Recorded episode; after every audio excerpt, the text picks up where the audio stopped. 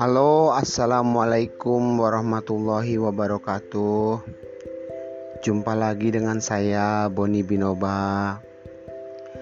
Ya, pada materi pelajaran kali ini, saya ingin membagikan sebuah metode meditasi yang saya sebut sebagai metode meditasi mantra 10 gitu tapi sebelum saya menjelaskan metode ini kepada Anda, saya ingin meninjau ulang dulu materi-materi sebelumnya ya, supaya Anda tidak lupa.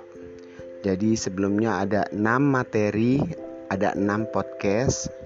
Dengan yang ini jadi 7 podcast. Saya berharap dengan 7 podcast ini sebenarnya sudah cukup ya untuk memandu Anda, membantu Anda untuk memahami kehidupan dan tinggal bagaimana Anda memahaminya, menemukan versi Anda sendiri, lalu mempraktekannya dan Anda menjadi pribadi yang bahagia dan bersyukur gitu.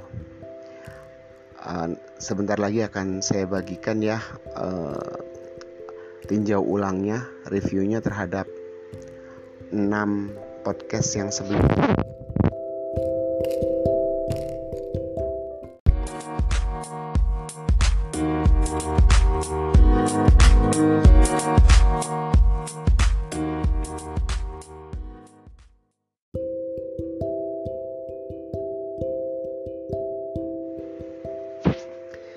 Pada podcast pertama saya, saya telah menjelaskan tentang jalan tengah ya, yaitu suatu cara agar Anda menyadari apakah pada diri Anda itu ada emosi-emosi yang berlebihan atau ada emosi-emosi yang kekurangan. Ini biasanya tentang sedih, cemas, dan marah ya. Jika ada yang berlebihan, atau ada yang kekurangan itu Anda bisa introspeksi diri, Anda bisa datang ke psikolog ya. Tapi kalau ini ternyata tentang ketidakseimbangan hormon, Anda bisa datang ke psikiater yang ada di rumah sakit. Setelah Anda mengatasi masalah emosional, dan menjadi wajar hidup sewajarnya. Jadi inti jalan tengah adalah hidup sewajarnya ya, terutama di bidang emosional Anda terlebih dahulu ya. Baru nanti perilaku Anda bisa wajar. Setelah itu saya ajarkan juga podcast yang kedua menyikapi kehidupan yaitu nikmati yang ada dan lakukan yang bisa. Saya tidak perlu mengajarkan kepada Anda bagaimana menikmati yang ada tetapi saya bagikan tips untuk melakukan yang bisa, yaitu tentang membuat plan, do, dan review. Jadi, membuat perencanaan, melakukannya, dan meninjau ulang untuk kemudian memahami kekurangan-kekurangan pada aktivitas sebelumnya dan membuat rencana ke depan yang lebih sempurna seperti itu. Setelah itu, saya juga membagikan tentang misteri keinginan ya. Podcast yang keempat ini tentang misteri keinginan. Uh, kenapa misteri keinginan ini penting? Ya supaya Anda memahami uh, bahwa perencanaan aktivitas dan tinjau ulang itu sebaiknya dibuat selaras dengan rencana Tuhan gitu kan. Rencana Tuhan tuh maksudnya um, jangan egois ya. Uh, menipiskan dinding ego sehingga Anda bisa melebur dengan semesta menjadi bagian dari semesta bahwa alam semesta ini adalah satu organisme tunggal dan Anda hanya salah satu komponen yang menyusunnya. Gitu. Kemudian podcast kelima ada cinta tanpa syarat ya ini cinta tanpa syarat adalah bagaimana uh, tadi ya yang mengenai menipiskan dinding ego ya. Tujuan dari cinta tanpa syarat tuh Anda menyadari posisi Anda di semesta itu di mana dan juga misi kelahiran Anda itu apa Jadi setiap manusia itu punya kelebihan, punya kekurangan. Dengan kelebihan dan kekurangannya ini menentukan di mana dia harus berada posisinya dan apa fungsinya bagi alam semesta, yaitu bagi masyarakat manusia, bagi makhluk-makhluk lainnya dan bagi lingkungan hidup bumi dan sem dan semacamnya ya. Lalu podcast ke-6 itu ada gagalnya law of attraction yaitu tentang memberi bekal kepada Anda bahwa Anda tidak perlu mengejar sukses. Yang perlu Anda lakukan hanyalah memahami masalah apa saja yang datang ke hidup Anda dan menyingkirkannya satu persatu. Nah, setelah Anda bisa merangkai ke enam podcast saya itu, nanti kita masuk uh, ke podcast yang ketujuh yaitu meditasi mantra 10 sebentar lagi ya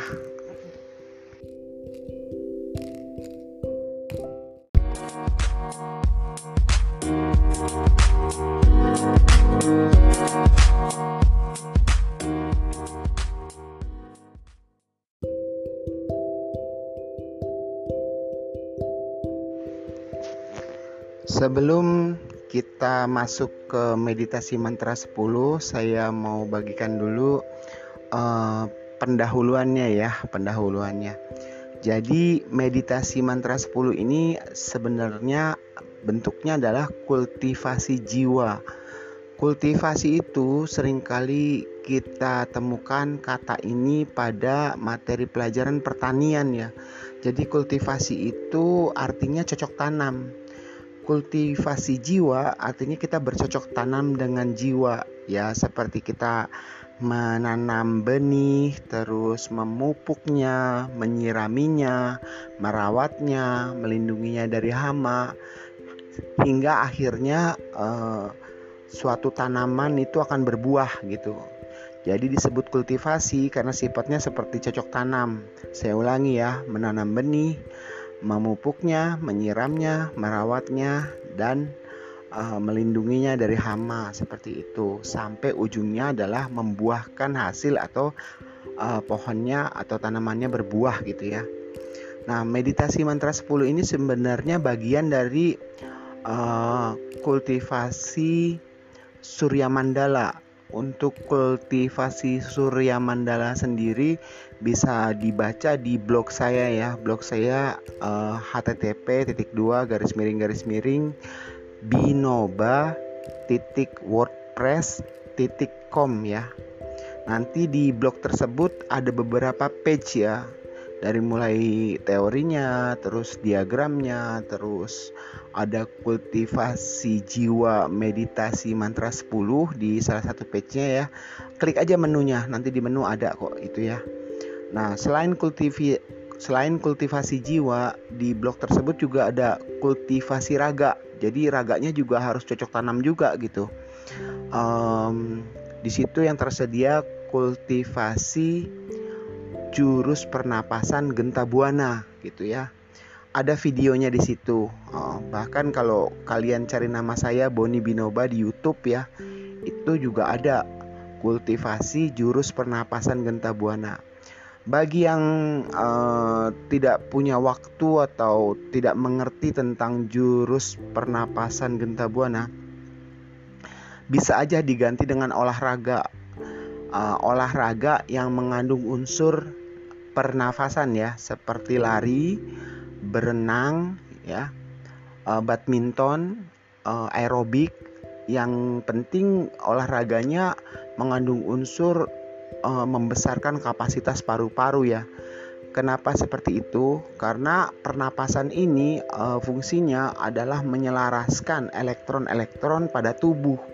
Jadi yang disebut kultivasi raga sebenarnya adalah uh, menyelaraskan elektron-elektron itu dan itu tidak usah sengaja cukup dengan uh, olahraga yang nafasnya itu benar-benar uh, ekstrim ya. Jadi narik nafas dan menghembuskan nafasnya dengan capek ya seperti aerobik berenang lari pagi dan badminton seperti itu. Boleh juga olahraga lainnya. Intinya pernapasan basket boleh sepak bola boleh gitu. Bukan yang santai-santai ya olahraganya. Boleh yang kayak tai chi tapi tahan nafasnya lama gitu. Atau nafasnya sangat pelan. Jadi intinya mengolah nafas nafas tarik dan nafas keluar itu menghasilkan uh, kemampuan tubuh untuk uh, menyelaraskan elektron. Jadi pas menarik nafas arah polaritasnya plus minusnya seperti ini. Pas mengeluarkan nafas arah polaritas listriknya plus minusnya seperti itu kayak gitu. Nah, ini dulu ya. Jadi uh, kultivasi jiwa meditasi mantra 10 ditambah kultivasi raga jurus pernapasan genta buana itu disebutnya metode kultivasi jiwa dan raga surya mandala jadi di blog saya ya http titik dua garis miring garis miring binoba.wordpress.com Nah setelah pendahuluan ini baru saya masuk ke materi pelajaran meditasinya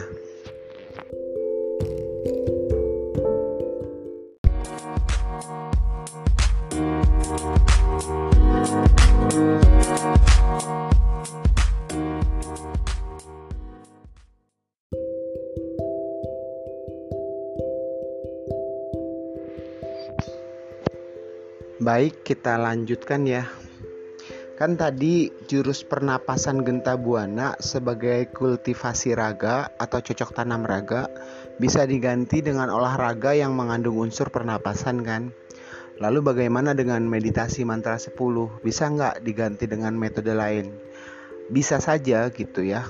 Jika Anda sudah punya apa metode sebelumnya untuk kultivasi jiwa, itu bisa dipakai misalnya Anda seorang penganut agama Katolik ya, mungkin ada jenis puasa tertentu nanti ditambah uh, rosario gitu ataupun uh, doa novena ya gitu. Kalau untuk yang Buddha mungkin bisa dengan cara berpantangnya itu uh, vegetarian atau vegan nanti meditasinya yang saya sarankan vipassana gitu kalau pernah denger ya. Terus juga kalau yang muslim bisa dengan puasa Senin Kamis nanti bentuk meditasinya tuh moving meditation ya. Kalau pernah dengar sih namanya sholat tasbih gitu. Jadi sebenarnya meditasi ini satu set dengan berpantang sih gitu. Untuk meditasi mantra 10 sendiri saya coba berpantangnya itu yang mudah saja. Jadi selama rentang waktu yang anda mau fokuskan misalnya mau sebulan dua bulan gitu ya nggak usah selamanya gitu. Ketika anda mau melakukan meditasi mantra 10 yang saya sarankan tuh metode berpantangnya tidak memakan daging merah. Jadi daging kambing sapi kerbau domba babi uh, ataupun daging merah yang lainnya ya uh, daging hewan berkaki empat sebenarnya yang war yang warnanya merah dagingnya ya. Itu jangan dimakan. Jadi yang boleh uh, daging unggas dan ikan. Unggas contohnya ayam bebek burung dara. Kalau ikan contohnya uh, ikan taw air tawar ikan air laut cumi udang kepiting uh, dan lain-lain ya gitu. Jadi untuk meditasi mantra 10 satu set dengan berpantang, jangan makan daging merah, bolehnya daging unggas seperti ayam, bebek, burung dara dan daging ikan. Ikan air tawar, ikan air asin, udang, kepiting, cumi ya. Uh, seperti itu. Nah, saya mulai pelajarannya ya. Untuk meditasi mantra 10 bisa dua sikap, bisa duduk bersila di lantai dan bisa juga duduk di kursi.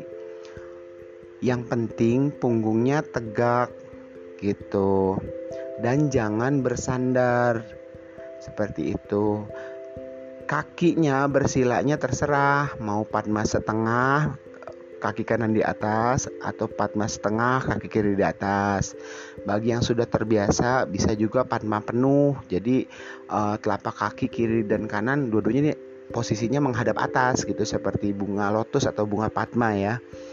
Nah terus untuk tangannya juga terserah mau uh, bentuk mudra apa tangannya ya.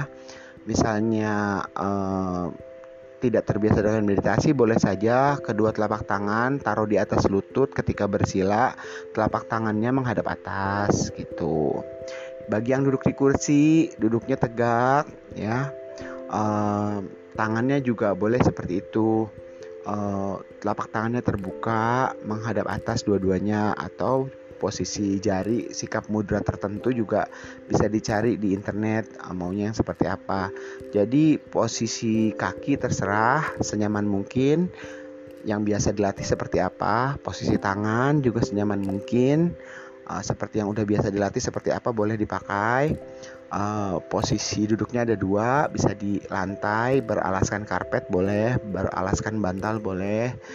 Boleh juga di kursi kursi yang kaku boleh kursi yang empuk boleh gitu ya uh, oke okay, itu untuk posisi duduk tegaknya ya kemudian posisi kepala jangan menunduk uh, cirinya dagu agak diangkat ke atas sedikit gitu Nah, terus posisi mulut bibirnya menutup ringan.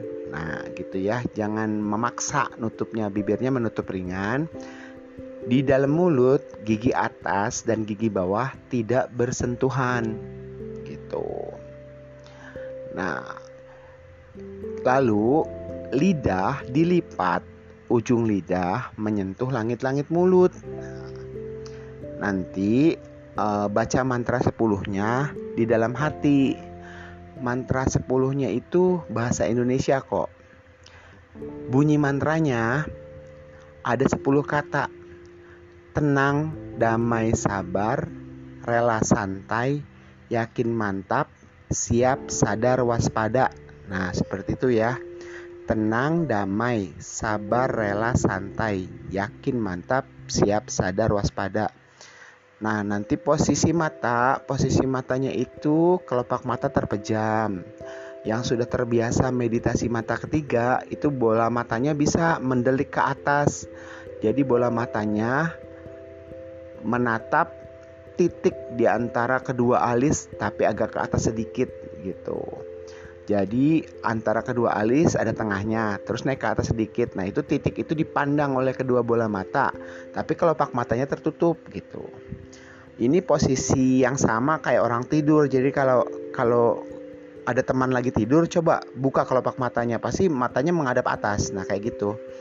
Itu sebenarnya posisi mata orang yang melihat mimpi ya jadi ketika kita tidur uh, kalau dilihat nih uh, kelopak matanya dibuka matanya tuh mendelik ke atas ke arah titik itu makanya bisa melihat mimpi Soalnya nanti dalam meditasi mungkin juga timbul suatu uh, gambaran-gambaran, lintasan-lintasan uh, video gitu dalam meditasi bisa juga.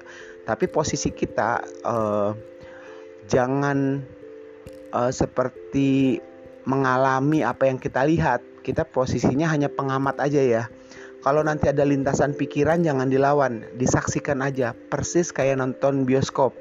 Misalnya filmnya film horor, ya kita nonton aja kita penonton kok jangan menjadi merasakan kita adalah pemain film yang ada di dalamnya ya jadi kalau nanti nonton gambaran-gambaran dalam meditasi itu posisinya hanya pengamat nanti kalau udah selesai meditasi baru kita pikir tadi gambar itu maksudnya apa ya tapi waktu meditasi jangan mikir apa-apa nonton aja gitu dan jangan juga kita merasa seperti aktor di dalam film yang ikut merasa sedih, ikut merasa senang, ikut merasa takut, ikut merasa marah. Jangan seperti itu. Kita cuma penonton, kita nonton aja.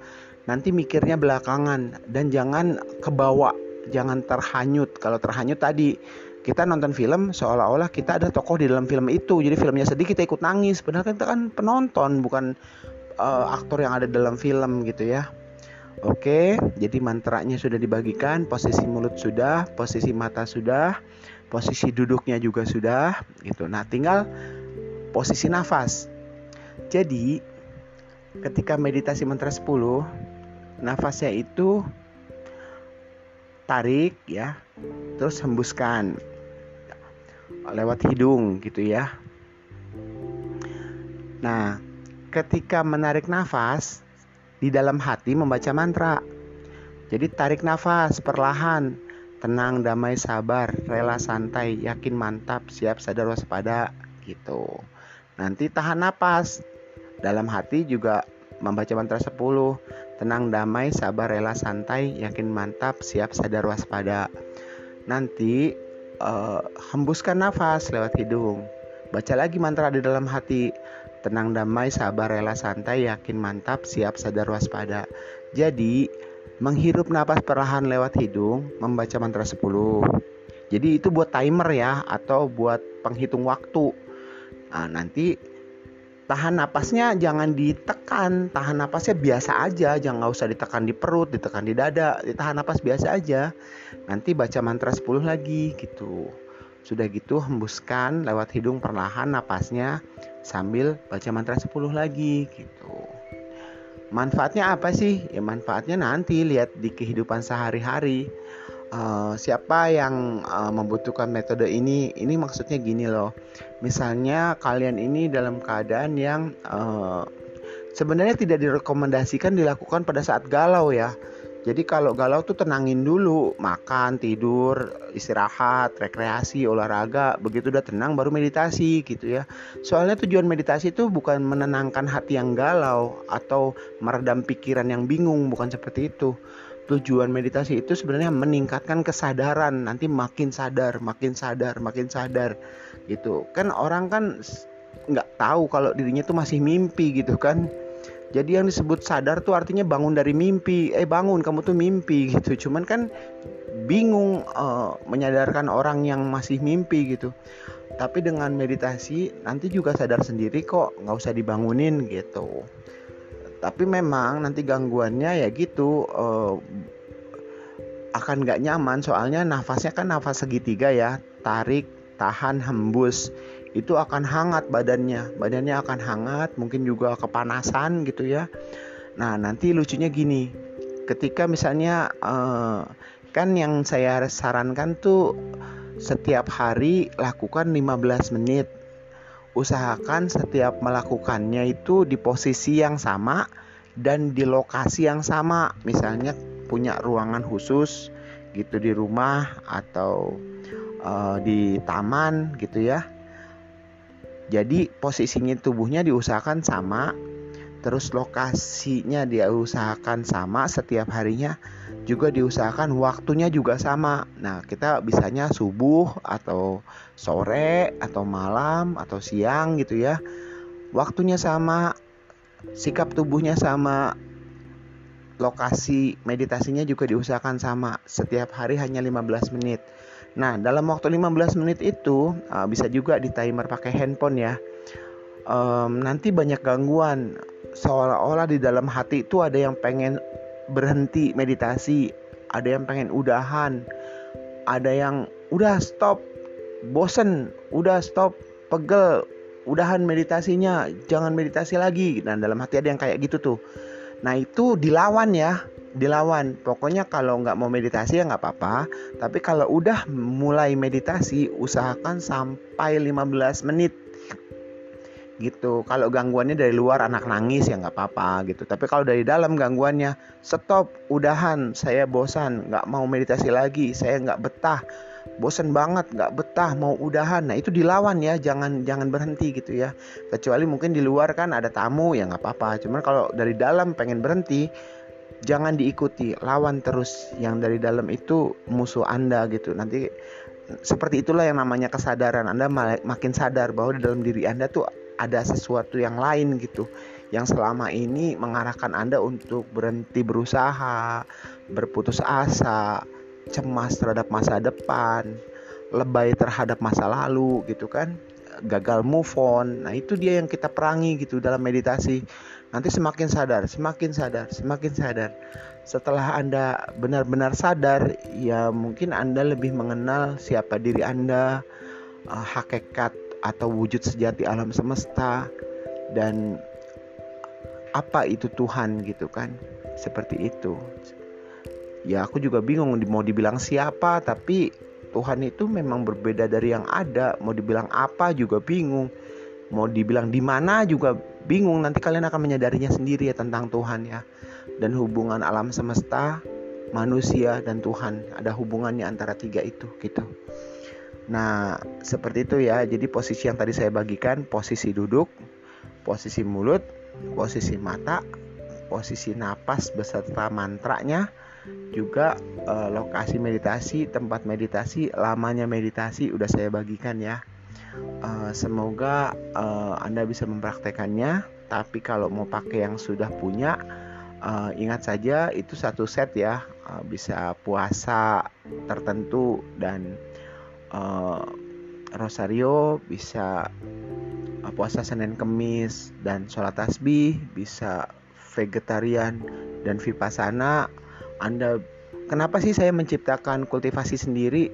Ya soalnya kan yang konsultasi tarot curhat tuh nggak semuanya Muslim, nggak semuanya Katolik, nggak semuanya Buddha, nggak semuanya Hindu, macam-macam termasuk ateis gitu kan. Nah untuk orang-orang yang tidak punya sistem berpantang dan sistem meditasi dan sistem kultivasi tubuh gitu kan, ya kalau orang Islam kan ada sholat lima waktu, jadi dia bisa kultivasi tubuh di sholatnya itu gitu. Nah, bagi orang-orang yang tidak punya metode itulah makanya saya ciptakan metode netral, metode yang dari saya sendiri gitu. Jadi walaupun sistem keyakinannya apa, belief sistemnya tuh apa, agamanya apa, sektenya apa, gitu kan uh, atau filsafat hidupnya tuh apa gitu entah komunis entah apa mereka bisa coba yang saya rancang. Tapi kalau sudah punya ya gunakan aja yang di agama sendiri. Tapi hendaknya kalau menggunakan metode kultivasi jiwa dan raga yang ada di agama masing-masing hendaknya ada suatu pembimbing gitu ada seorang ya ada seorang pembimbing. Karena kalau nggak ada pembimbing uh, pertama itu semangat yang mungkin nanti habis ya nggak ada yang menyemangati yang kedua tidak ada yang mengkoreksi kalau terjadi apa-apa gitu. Terjadi apa-apa tuh misalnya gini um,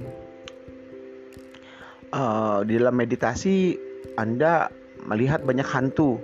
Nah, sebenarnya hantu itu bukan hantu beneran, itu adalah cara otak Anda menggambarkan ketakutan-ketakutan, entah takut karena dikejar hutang, entah takut karena besok mau wawancara melamar kerja, entah takut karena mau ujian Eptanas kalau zaman dulu ya, ujian UMPTN atau ada suatu yang besar dalam hidup Anda.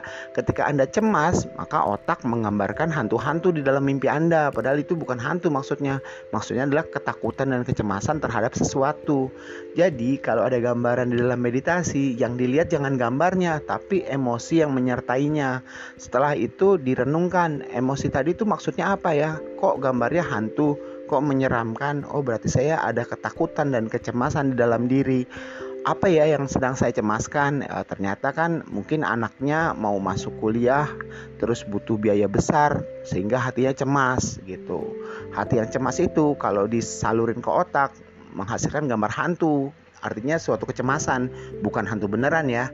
Nah, seperti itu. Makanya dibutuhkan seorang pembimbing dalam hal kultivasi jiwa raga ini supaya bisa membantu menerjemahkan kepada Anda sehingga Anda tidak salah paham gitu. Dan juga bisa memotivasi agar Anda selalu bersemangat supaya tidak malas melakukan kultivasi jiwa raga apa pun versinya, apa pun agamanya, apa pun sektenya, apa pun alirannya, apa pun filosofi kehidupannya seperti itu.